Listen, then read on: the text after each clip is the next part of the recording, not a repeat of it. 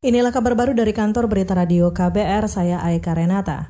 Presiden Joko Widodo mengklaim selama ini belum ada daerah yang memperlakukan karantina wilayah atau lockdown seperti yang terlihat. Apa yang terjadi di daerah kata Jokowi hanya langkah pemerintah daerah memperlakukan pembatasan sosial. Saya kira sampai saat ini belum ada yang berbeda dan kita harapkan tidak ada yang berbeda bahwa ada pembatasan sosial, ada pembatasan lalu lintas. Saya kira itu pembatasan-pembatasan yang wajar bahwa daerah juga ingin mengontrol daerahnya masing-masing tetapi sekali lagi tidak dalam bentuk keputusan-keputusan besar misalnya karantina wilayah dalam cakupan yang gede atau yang sering dipakai lockdown. Lockdown itu apa sih? Karena kita harus sama Presiden Jokowi kembali mengingatkan kepala daerah untuk tidak mengambil keputusan sendiri tanpa berkoordinasi dengan pemerintah pusat.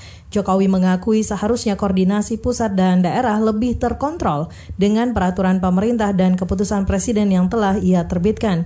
Menurutnya pemilihan pembatasan sosial berskala besar atau PSBB menjadi pilihan yang tepat karena tetap memberi jalan untuk pertumbuhan ekonomi.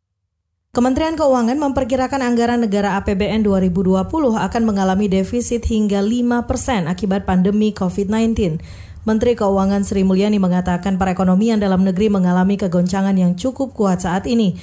Ia memperkirakan defisit anggaran akan melonjak dibanding tahun lalu. Secara dari sisi belanja, jadi kita memprediksi pendapatan negara bisa turun 10 persen. Bukannya naik, tapi malah negatif growth 10 persen. Sementara dari sisi belanja tadi tambahan 255 triliun dan juga ada pembiayaan tambahan 150 triliun. Jadi postur APBN 2020 diperkirakan akan mengalami defisit mencapai 5,07 persen dari PDB. Menteri Keuangan Sri Mulyani menyebut kebijakan Presiden Jokowi sebagai dampak perluasan COVID-19 membuat tambahan belanja yang cukup besar dalam postur APBN 2020.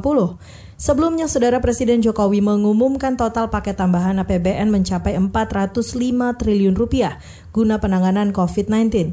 Dana itu digunakan untuk menyokong berbagai sektor baik kesehatan, keuangan, sosial, dan sektor lainnya yang terdampak pandemi corona.